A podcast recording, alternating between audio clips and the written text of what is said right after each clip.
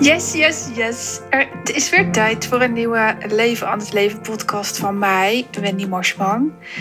En ik denk dat deze podcast over geven en nemen gaat. Um, maar het zou zomaar een andere kant op kunnen gaan. Um, ik heb een klein beetje voorbereid, maar niet alles. Ik wil je namelijk eerst even meenemen in uh, hoe ik erbij zit.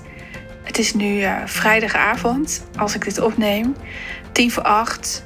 En um, ik zit op een nieuwe bank in mijn eentje. Ik ben er wel trots op waar ik op zit. Want het maakt zichtbaar hoe goed het hier thuis gaat. Hoe goed het met mij en mijn bedrijf gaat. En dat ik eindelijk weer kan investeren. En daar ben ik zo blij mee. Ik heb een paar weken geleden besloten om uh, te stoppen met freewheelen. Ik had mezelf na het hele zware jaar 2019 een freewheeljaar beloofd. Ik weet niet, ik kwam echt uit het ziekenhuis en toen dacht ik: uh, oké, nu even niks. Uh, kijk maar wat er op je afkomt, Wendy. Kijk ook maar wie er op je afkomen. Nou, ik had een fantastische jaargroep um, die bijna klaar is. Twee gaan er sowieso door. En ik dacht echt van, goh, ik ga eerst van hun genieten en dan zie ik wel wat er, uh, wat er verder op me afkomt. Ik moet toch herstellen en um, daar rustig aan doen voor mijn lijf. En um, ik wil tijd doorbrengen met de jongens. En de grap is dat ja, toen natuurlijk corona uh, voorbij kwam. En ik weer heel rustig kon sporten, omdat ze online les gaven. Ik niet hoefde te reizen. En ja, als ik dan stopte, dan uh, was het niet zo erg. Had de groep geen last van. En ik kon natuurlijk heel veel tijd met de jongens doorbrengen, want zij waren steeds thuis. En er is van alles gebeurd dit jaar in mijn bedrijf, juist doordat ik ging freewheelen. Ik ben er onwijs van gegroeid qua ja, mind. En um, het leuke is dat ik nu eindelijk alleen thuis ben. En ik ben er toch van aan het genieten, jongens. Niet normaal. Ik had totdat ik deze podcast op ging nemen, Radio 2 aanstaan met kei goede vrijdagavondmuziek. Um, een wijntje op het tafeltje, de hond aan mijn voeten en, en gewoon niks. Gewoon niks. En ja, als ik niks aan het doen ben, komt er onmiddellijk inspiratie om of een blog te schrijven, een post, een mail te versturen of een podcast te maken. En ik dacht, laat ik nu eens een podcast doen. Want wat is er aan de hand? Ik um, kreeg deze week een berichtje. Uh, eigenlijk een berichtje zoals ik wel vaker krijg. Um, ik krijg er minstens één of twee keer per week uh, een verzoek om um, als moeder van uh, Lennart met een lotgenoot te spreken of iemand die iets vergelijkbaars meegemaakt heeft. En daar bedoel ik mij iemand die uh, rouwt en het interessant vindt om het erover te hebben met mij. De vraag in het bericht was: Goh, uh, wauw. Wendy, ik heb een link van iemand eh, doorgestuurd gekregen. En jou en mijn verhaal komen zo ongelooflijk overeen met elkaar. En ik zou het zo graag willen hebben, een keer met iemand over uh, ja, wat ik heb gevoeld. Um, met iemand die hetzelfde heeft meegemaakt. En het bijzondere is dat ik dit soort verzoekjes meer krijg sinds ik besloot om het verhaal van Lennart naar de achtergrond te laten gaan en mezelf naar voren omdat mijn bedrijf niet gaat over Lennart. Het bedrijf gaat over mij. Over Wendy Marsman voor 2011 en Wendy Marsman na 2011. Dat is zo'n ongelooflijk groot verschil. Dat is echt een 180 graden uh, uh, draai geweest. Uh, ik ben zo anders. Ik sta zo anders in het leven dan toen. En ik kreeg dit berichtje en ik ben er echt even voor gaan zitten. Ik ken deze vrouw niet en ik dacht, ja, wat ga ik nou met dit soort berichtjes doen? Wat wil ik? In de wetenschap, en dit mag je wel weten, is dat ik um, in de eerste twee, drie jaar na Lennart giga veel bezoek heb gehad, die het er allemaal over wilden hebben. Over de dood, over wat rouw met mij doet, over mijn visie op de dood, wat het mij leert, over hoe anders ik erin uh, in sta. Uh, los van de pijn, hè? want ik heb wel degelijk pijn gehad en soms nog wel. Uh, dat die er niet is. over mijn visie, wat, wat dood betekent.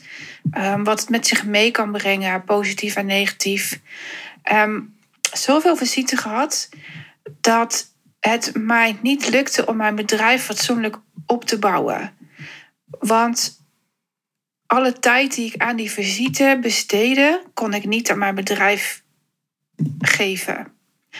En daar, daar heb ik uh, wat aan gedaan door minder van die afspraken te doen, minder toestaan en meer in mijn bedrijf te uh, zitten, uh, meer daarop te focussen.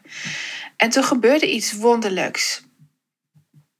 Want het bijzondere is dat ik betalende klanten kreeg.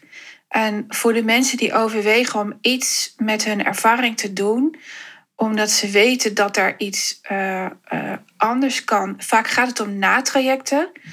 Um, geld vragen voor dat wat jij weet is in het begin best wel lastig, omdat je het heel graag wilt doorgeven, omdat je het met liefde eigenlijk al doet als je weet dat iets anders kan, dan zie je overal dat het anders kan. Niet alleen bij wat je hebt meegemaakt. En ik zag bijvoorbeeld, doordat ik veel vrijer uh, werd, veel, veel meer vragen ging stellen, dat mensen zich overal laten beperken. En niet alleen op het werk, maar dan lieten ze zich thuis ook beperken. En dat ik echt dacht, wauw, wat een inzichten krijg ik hiervan. En ik ging dus geld vragen. En de eerste vroeg ik een boekenboen. De tweede vroeg ik een bos bloemen. De andere keer vroeg ik 15 euro. 15 euro heb ik voor het eerst voor mijn eerste coaching gevraagd aan geld. Hoe leuk is dit? En mensen denken vaak dat ik gelijk met de 100 euro begon. Maar nee hoor, ik, ik ben echt met de hele kleine bedragen begonnen.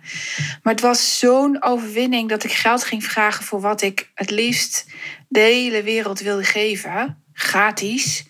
Maar ik voelde ook, dat klopt niet. Want het gaat ten koste van mezelf. En uh, mijn gezin. En mijn werk. En als ik geld vraag, merkte ik, ga mensen wat ik geef ook meer waarderen. En daardoor doen ze er ook sneller iets mee dan als ik niks vraag. En ze doen er ook sneller iets mee dan uh, wanneer ik een boekenbon of een bos bloemen vraag. Dat soort dingen vinden mensen namelijk makkelijk om te geven. Uh, ik maak nu een gevend gebaar, maar dat zien jullie natuurlijk weer niet. Dus vergeet ik wel eens als ik een podcast opneem. Maar als mensen geld moeten betalen, moeten ze ineens nadenken. Of niet moeten, maar dan gaan ze ineens nadenken over: levert het mij wel iets, iets op? En wat levert het mij dan op? Gaan mensen ineens afwegen? Zo grappig. Terwijl een, kaart waar geld op staat ook geld is. Een bos bloemen moet je betalen met je kaart of met je portemonnee, is ook geld. Maar daarvan kunnen we voelen op een of andere manier wat het met iemand doet. En sinds ik er geld voor vraag, merk ik dat mensen er net iets langer over doen om te beslissen met mij te spreken. Maar als ze mij dan spreken, wauw, dan gaan ze daarna ook echt iets met uh, met dat wat ze hebben geleerd doen, kreeg ik ineens appjes uh, van mensen die hier waren geweest. Kijk, ik ben het aan het doen wat het dan ook is. Hè. Um, afgelopen week nog uh, sprak ik een nieuwe klant en ik zei tegen haar: Goh, wat vind je heel fijn? Iets kleins. Wat, of wat vind je heel lekker? En zei ze een latte. Ik zei, nou, wat houd je dan tegen om, om vanaf nu een week lang iedere dag voor jezelf een latte te kopen? En dat te zien als tijd voor jezelf. Gewoon heel simpel. Het hoeft niet groot. Het enige wat ik, wat ik voor jou voor doel heb, is dat je kiest voor jou, voor tijd voor jezelf, voor uh, die energie. En jou, jouw hoofd heeft daar even een positieve ervaring op nodig. Meer hoeft het niet te zijn. En, en toen kreeg ik daarna een appje met een foto dat ze in de auto zat en dat ze erbij ook nog iets lekkers had besteld. Nou, weet je, daar kan ik dus al van brullen, want ik vind dat dus zo gaaf dat het effect groter is dan alleen die latten. En het verschil met mensen die, hier, die ik hier toeliet, omdat ze het met mij wilden hebben over rouw, scheiding, verlies van gezondheid, het leven.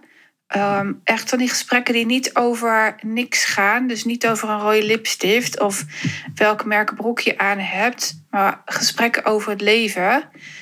Als, mensen, als ik mensen toeliet, kreeg ik eigenlijk nooit een dankjewel.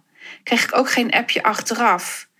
Um, ze gingen naar huis en vaak hoorde ik er niks meer van. En dat verschil ging mij steeds vaker opvallen. En dat ik echt dacht, wat maakt nou um, dat ik van mensen die betalen toch een appje krijg achteraf. En mensen die dat niet doen, um, ja, eigenlijk ook niks meer laten horen. En um, pas veel later viel het kwartje. En zit eigenlijk in al mijn podcasts.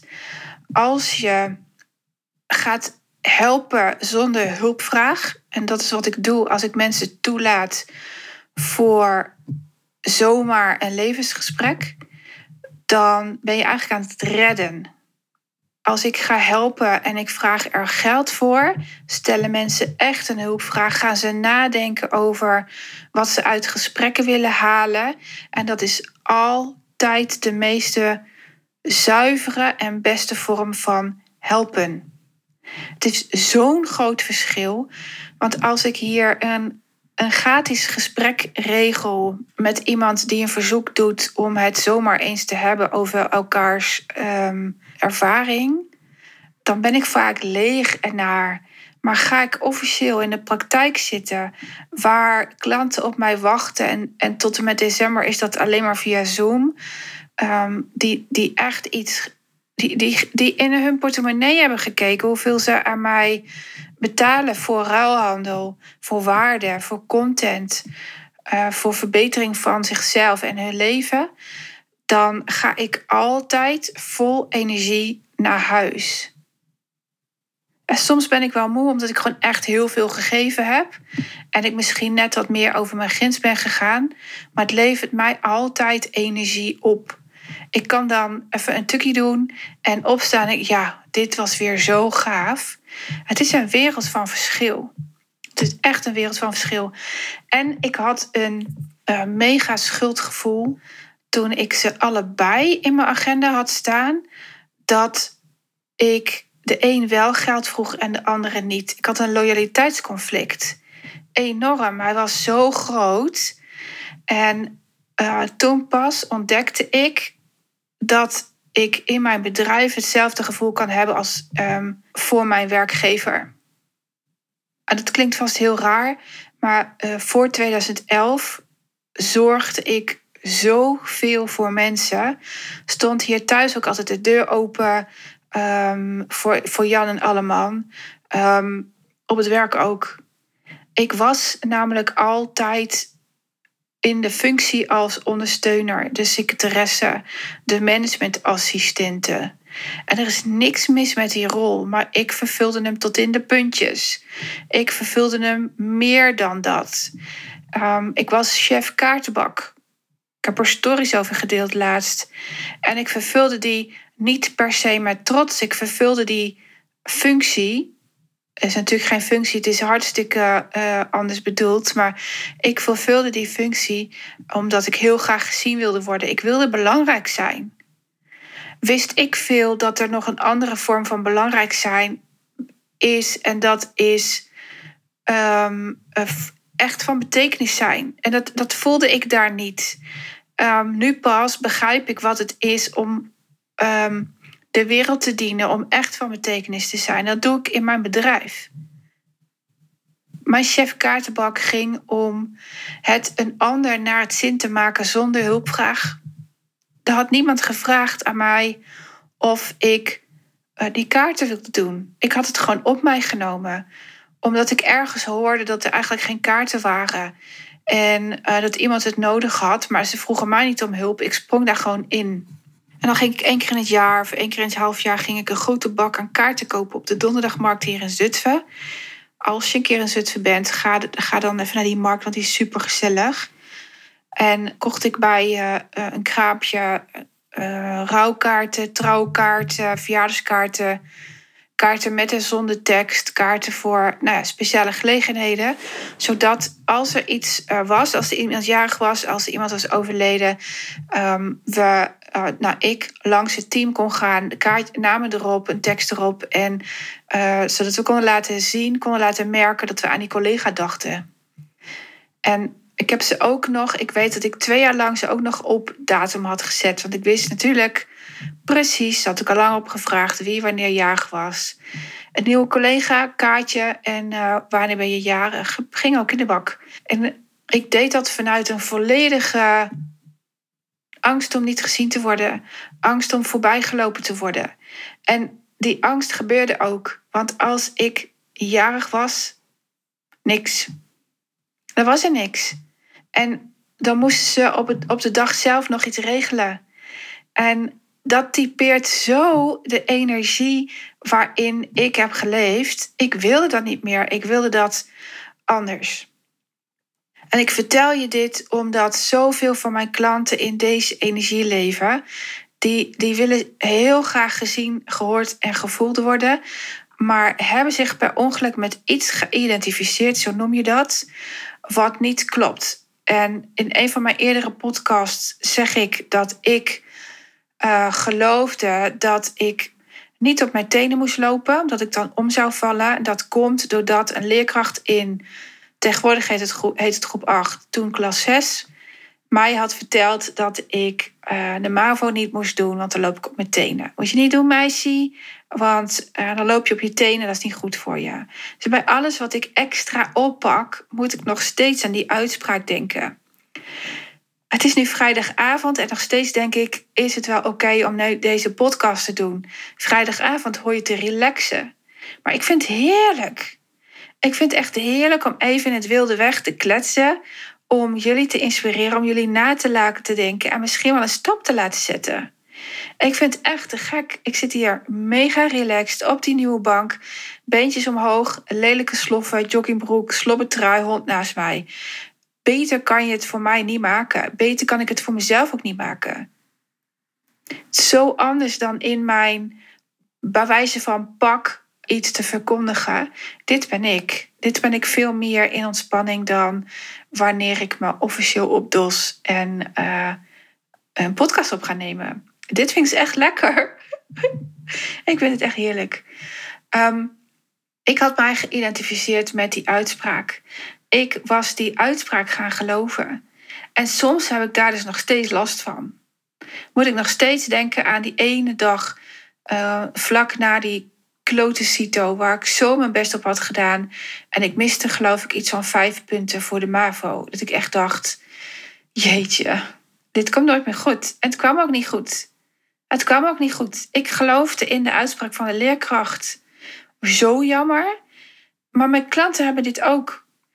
Mijn, klanten zijn allemaal harde werkers, sterke vrouwen. Ze houden al heel lang vol, weten um, van de problemen van anderen. Ze hebben allemaal een bordje in hun voor, op hun voorhoofd.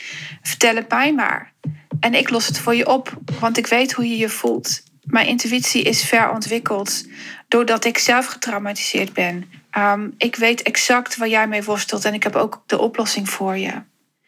En dat zijn vrouwen die vaak al heel veel hulp hebben gehad, maar nergens echt geholpen zijn geweest. Vrouwen zoals ik. En vaak verstoppen ze zich achter een glimlach, achter een uh, masker, zoals dat dan wordt genoemd, achter een uh, soort van glans waar bijna niemand doorheen prikt. Ja, en dan komen ze bij Wendy. En Wendy prikt daar wel doorheen. Omdat ik gewoon weet hoe, ja, niet gewoon, ik weet hoe krachtig het is als je die glimlach stopt, als je die glans weghaalt. Dan pas kom jij voorbij. Dan pas zie ik hoe je werkelijk bent. En dat is fucking spannend. Dat is, dat is zo, ja, het is eigenlijk niet onder woorden te brengen. Uh, laat ik het intens noemen. Hoe intens het voor mij was om een, om een leraar te hebben die door mij heen prikte. Die zei: Wendy, als je nu nog een keer iets weglacht, dan weet ik eigenlijk niet meer uh, hoe ik door je heen kan prikken. En ik dacht: weglachen, doe ik dat? Ik heb echt lol. Maar niet veel later voelde ik wat het, hoe het werkelijk is om lol te hebben. Dan pies ik dus bijna in mijn broek van het lachen. Dan, dan kan ik niet meer stoppen met lachen. En soms ook niet meer stoppen met huilen trouwens. Ehm, en ik heb dat vaak hier thuis. Ik kan hier thuis zo intens lachen, zo intens lol hebben. En ik had dat heel lang niet gevoeld. Ik was zo ver bij mij vandaan. Terwijl iedereen dacht, Wendy heeft alles op orde. Ze werkt parttime, is bij de jongens. Ehm, ik was ook altijd zo'n moeder die. Moeder, hoor mij dan, zo'n moeder die vriendjes en vriendinnetjes op bezoek had. Omdat ik het op orde had. Ik werkte parttime. Um, ik was er voor de kinderen. Ik had het avondeten altijd op orde. Was ik gelukkig? Nee. Want wat ik deed is met de laptop op zak, met de telefoon op zak, bij de jongens zijn. En wat ik nu heb, is oprecht contact met ze. Ik hoor ze ook echt. Ik, ik voel ze. En dat is ook intens, maar het is wel een andere intense ik dan voorheen. Voorheen moest ik volhouden, uh, moest ik de schijn hoog houden. Want um, als ik echt iemand toe zou laten, zouden ze weten wie ik ben. Daar gaat de podcast over die ik al op heb, genomen, de door, de door de mand vallen. Um, maar als ze mij echt zouden leren kennen, zouden ze weten dat ik doodongelukkig was. Dat ik mijn zaakjes niet op orde had, omdat ik continu achter de feiten aanliep. En ja, dat is super moeilijk om toe te geven. Maar toen ik het daar ging toegeven in de opleiding, leerde ik ook waar dat vandaan kwam. En toen ik wist waar dat vandaan kwam, het harde werken om gezien te worden, doordat ik in, op de MAVO, of de MAVO had, was ik, had ik de MAVO maar gedaan, denk ik soms nog. Maar is helemaal niet wat mijn pad was. Um, wat ik op de basisschool hoorde over naar de MAVO gaan. En als ik, als ik weer in zo'n energie zit, weet ik nu direct, omdat ik weet waar het vandaan komt, hoe ik anders kan kiezen. dit is zo waardevol. Dit is echt waardevol. Nog veel meer dingen komen vanuit je familiesysteem, vanuit je opvoeding. Ik heb het al eens gehad over de, de deur open houden voor iedereen. Zo'nzelfde energie als iedereen toelaten in mijn agenda om het maar te hebben over, over het leven, over um, wat we gezamenlijk hebben meegemaakt. Of wat vergelijkbaar is. Of, um, nou, noem maar. Hè. Uh, um, een van mijn klanten zei van de week: Als ik op vrijdag werk, weet ik zeker dat mijn vrijdag vol zit, omdat mijn klanten op vrijdag ook vrij zijn. En zei ik: Ja, maar wat is nou eigenlijk een dag wat jij vrij wil zijn? Kies daar eens voor maar dat kan niet, want mijn klanten zijn op vrijdag vrij. Ik zeg dat kan wel, want als klanten echt voor jou kiezen, gaan ze afspraken veranderen.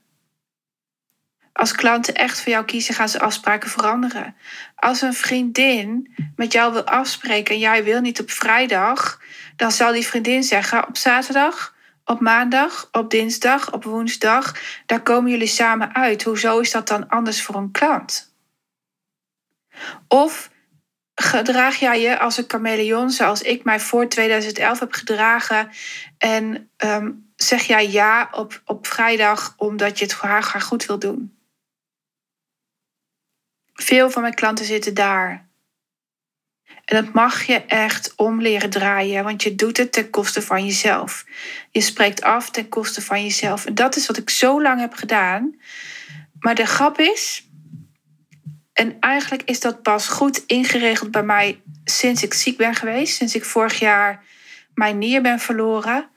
Ehm, sinds ik echt kies om alleen s'morgens te coachen. En niet op vrijdag. Gaat mijn praktijk als een tierenlier. Ik doe ook niks meer s'avonds. Um, is niet helemaal waar. Soms zet ik s'avonds, omdat ik inspiratie heb, een e-mail klaar. Maar dat zien jullie niet, omdat ik hem overdag verstuur. Um, soms zet ik s'avonds een blog klaar, maar die komen dan allemaal over, overdag uh, uh, uit. Uh, maar eigenlijk doe ik s'avonds niks meer voor mijn klanten. En um, Zeker niet op vrijdagavond. Maar de grap is dat ik nu dus deze podcast op zit te nemen. Um, volledig in ontspanning trouwens. Ehm, maar dit is waar het om gaat. Als jij kiest, als ik kies, volgen de mensen ons uh, die echt willen. Die echt willen. En de dame die mij het privéberichtje gestuurd heeft deze week, die zei: Ja, maar ik hoef jouw coaching niet. En ik, ik weet waar dat op uitdraait. Ik weet dat het, op, dat het op uitdraait dat ik op mijn handen ga zitten om niet te veel te delen, om niet te veel te, dra te vragen, om niet te veel van het gesprek te dragen, waardoor ik toch weer heel hard zit te werken, want het is tegen mijn natuur in. En uiteindelijk laat ik dat los, zit ik haar toch te helpen en is ze gratis geholpen in bijvoorbeeld opvoeding, um, zingeving, werk, uh, noem maar op. En het, ik wil dat dus niet. Ik wil dat niet. Het kan wel zo zijn dat ik binnenkort begin met gratis intakegesprekken. Maar dat is volledig in andere energie. Dat zijn mensen die al een paar maanden erover nadenken om bij mij te komen voor coaching. Dat is een wereld van verschil. Die mensen denken er al over na. Die mensen volgen mij al jaren. Die mensen volgen mijn nieuwsbrief bijvoorbeeld. Het zijn mensen die mijn podcast volgen. Het zijn mensen die mijn stories volgen. Ik overweeg trouwens weer om meer berichten te gaan plaatsen. Maar sinds ik podcast merk ik dat die berichten er een beetje mee inschieten. Um, maar ze moeten wel. Um, eigenlijk is het een planningskwestie. Um, mag ik dat weer inplannen? maar als jij kiest, dat is waar het om gaat. Als jij echt voelt, ik wil op vrijdag vrij zijn. Uh, wat ik dus ook doe, ik wil op vrijdag vrij zijn. wat je nu misschien hoort, is, dat is het koffiezetapparaat dat uitgaat. ik wil op vrijdag vrij zijn en ik kies daar ook echt voor. Ik hou me daaraan. En op maandagochtend uh, wil ik in ieder geval ruimte hebben voor mijn administratie iedere maandag. Ook al um, is er uh, geen factuur te betalen of is er geen factuur te versturen. Ik wil um, naar mijn administratie kijken. En of dat dan een kwartier, een half uur of een uur is. Aan het eind van drie maanden is het altijd een hele ochtend. Ik wil dat gewoon doen. Ik wil er naar kijken. Dus dat plan ik ook in. Iedere maandagochtend zit ik aan mijn administratie. Ik zal die berichten dus ook inplannen, omdat het ten gunste gaat van mezelf. Als ik het loslaat, dan komt het er niet van. En dat zie je nu. Mijn berichten blijven wat achter. Zo is het um, ook in mijn privéleven. Wij hebben hier een planbord het gaat nog steeds over geven en nemen. Wij hebben en over wachten tot de hulpvraag komt. Wij hebben hier een planbord en die hebben wij uh, sinds Lennart overlijden, omdat ik en mijn man, we hadden wolkjes in ons hoofd. Misschien is jou ook wel iets overkomen waardoor jouw leven 180 graden is gedraaid. Of niet is gedraaid, maar uh, snap je wel wat ik bedoel? Als iets herstigs je overkomt, dan zitten er van die ja, nou ja, wij noemen het wolkjes in ons hoofd. Je kan niet zo goed nadenken. Um, je vergeet nog wel eens wat, je onthoudt het niet. En um, sinds die tijd hebben we dus een planbord gemaakt waarop uh, ook staat wat we de hele week eten. En het is wel leuk om te delen dit, want sinds die tijd horen we niet meer de vraag wat eten we vanavond? Maar dan sta ik bijvoorbeeld in de keuken om thee te maken en dan hoor ik achter mij getver de getver. En dan, en dan weet ik al, dat soort bord hebben gekeken wat we eten. En dit deed ik dus ook met huiswerk. Huiswerk vragen, hulpvragen bij het maken van huiswerk, hulpvragen bij het leren van huiswerk. Um, inmiddels doe ik het niet meer trouwens, want ze doen allebei MBO en ze willen het heel graag zelf doen. Of, nou ja, eigenlijk is dit niks doen. Um, ik heb nou eenmaal geen kinderen die school leuk vinden. Toen ze op de basisschool zaten en in middelbaar onderwijs uh, en ze alles nog mochten leren plannen en nog mochten leren hoe leren werkt, uh, zei ik: Als ik coachen op het bord heb staan, dan ben ik er niet voor jullie. als ik coachen niet op het bord sta, heb staan, dan ben ik er wel voor jullie. En dat betekent dat ik uh, door de week tussen vier en zes jullie kan helpen bij het leren van jullie huiswerk.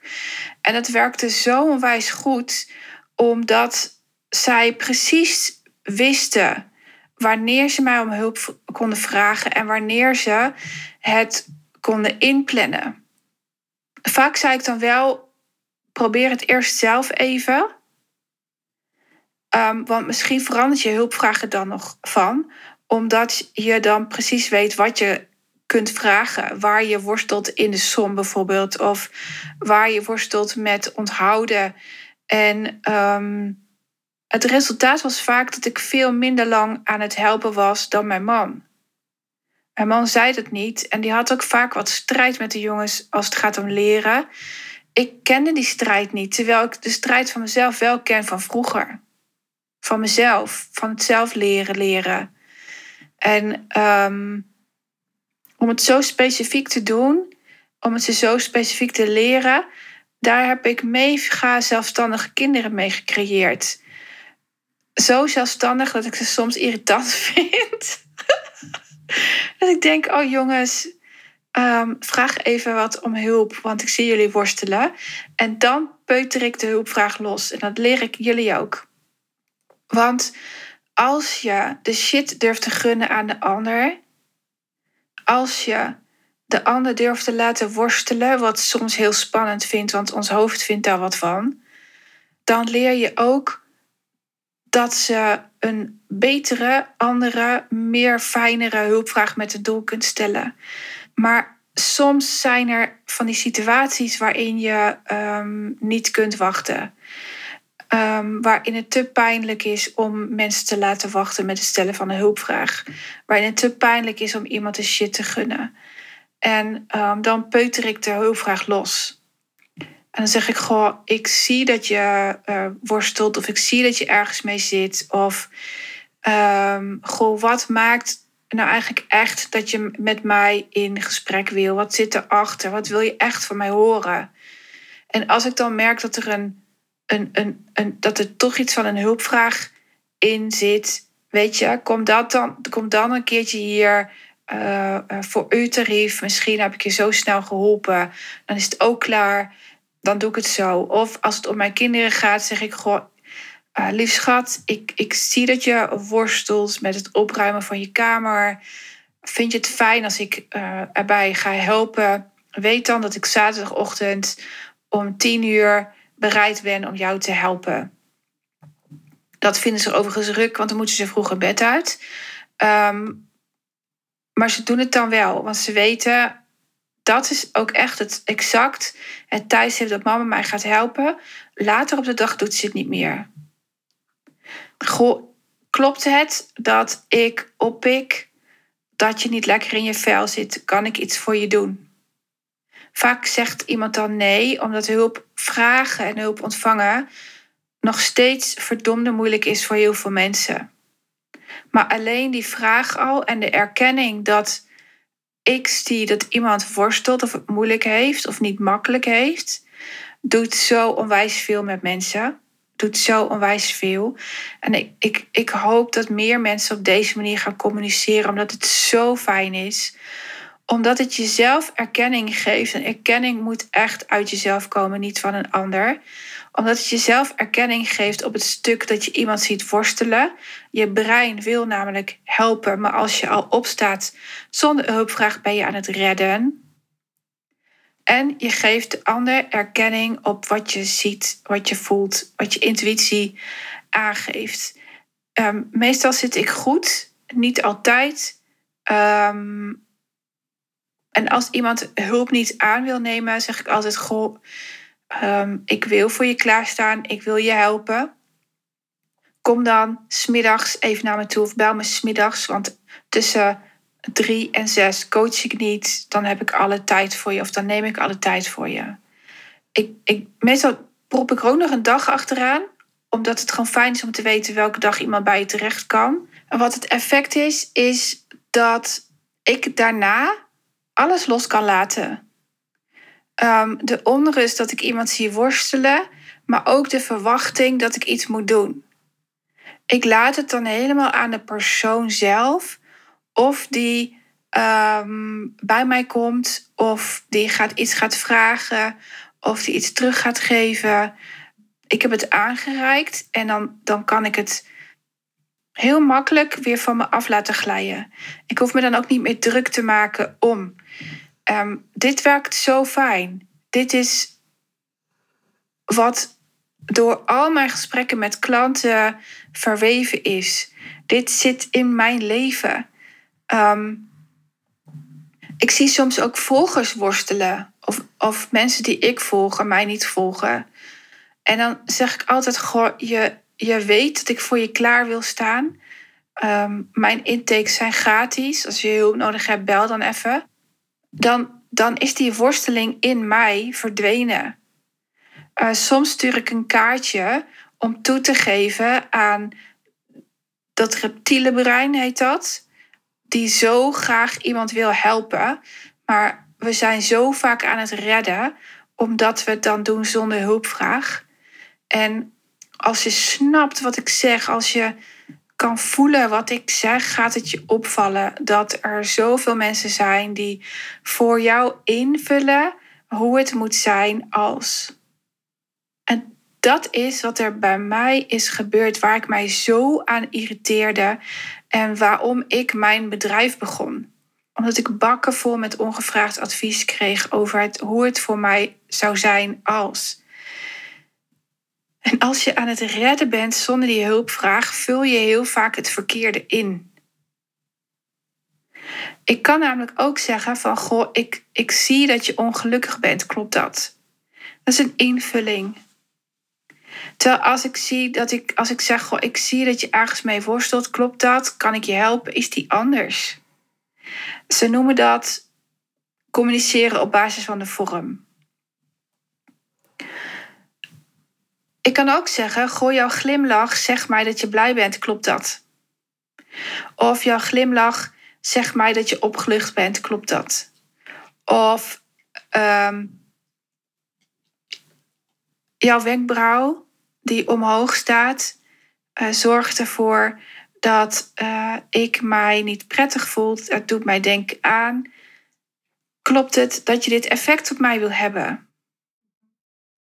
Ik wil zo graag dat meer mensen weten dat je op deze manier kunt communiceren. En dat het zo giga veel plezier in je leven oplevert. Zoveel plezier en zoveel minder frictie, zoveel minder irritatie.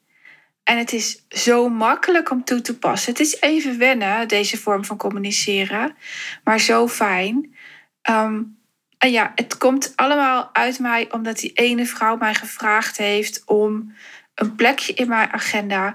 Dat ik een schuldgevoel kreeg toen, nu niet meer, op ehm, haar toelaten terwijl ik iemand anders om geld vraag. Omdat geven en nemen. Ik weet niet zeker, ik ben er nog niet over uit. Ik ben dat aan het zoeken, aan het onderzoeken of dat altijd in balans hoeft te zijn, moet zijn. Ik, dat, dat weet ik niet, dat ben ik aan het ervaren. Maar geven en nemen moet wel ongeveer in balans zijn. En als ik aan het eind van een gesprek die gaat over. Uh, die, die is gepland naar aanleiding van een privébericht van iemand die zegt mij niet nodig te hebben als coach, dan voel ik mij heel vaak moe dan voel ik me ellendig, dan, dan wil ik weg, dan, dan voel ik me niet prettig. Dat zijn altijd gesprekken waarin ik keihard heb gewerkt. Terwijl als ik coach en ervoor betaald krijg, voelt het niet als werk omdat ik dat heel ontspannen kan doen. Omdat ik weet dat mensen.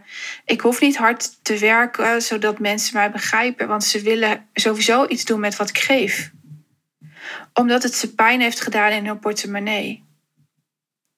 Oh, ik weet zeker dat deze podcast vragen bij je oproept.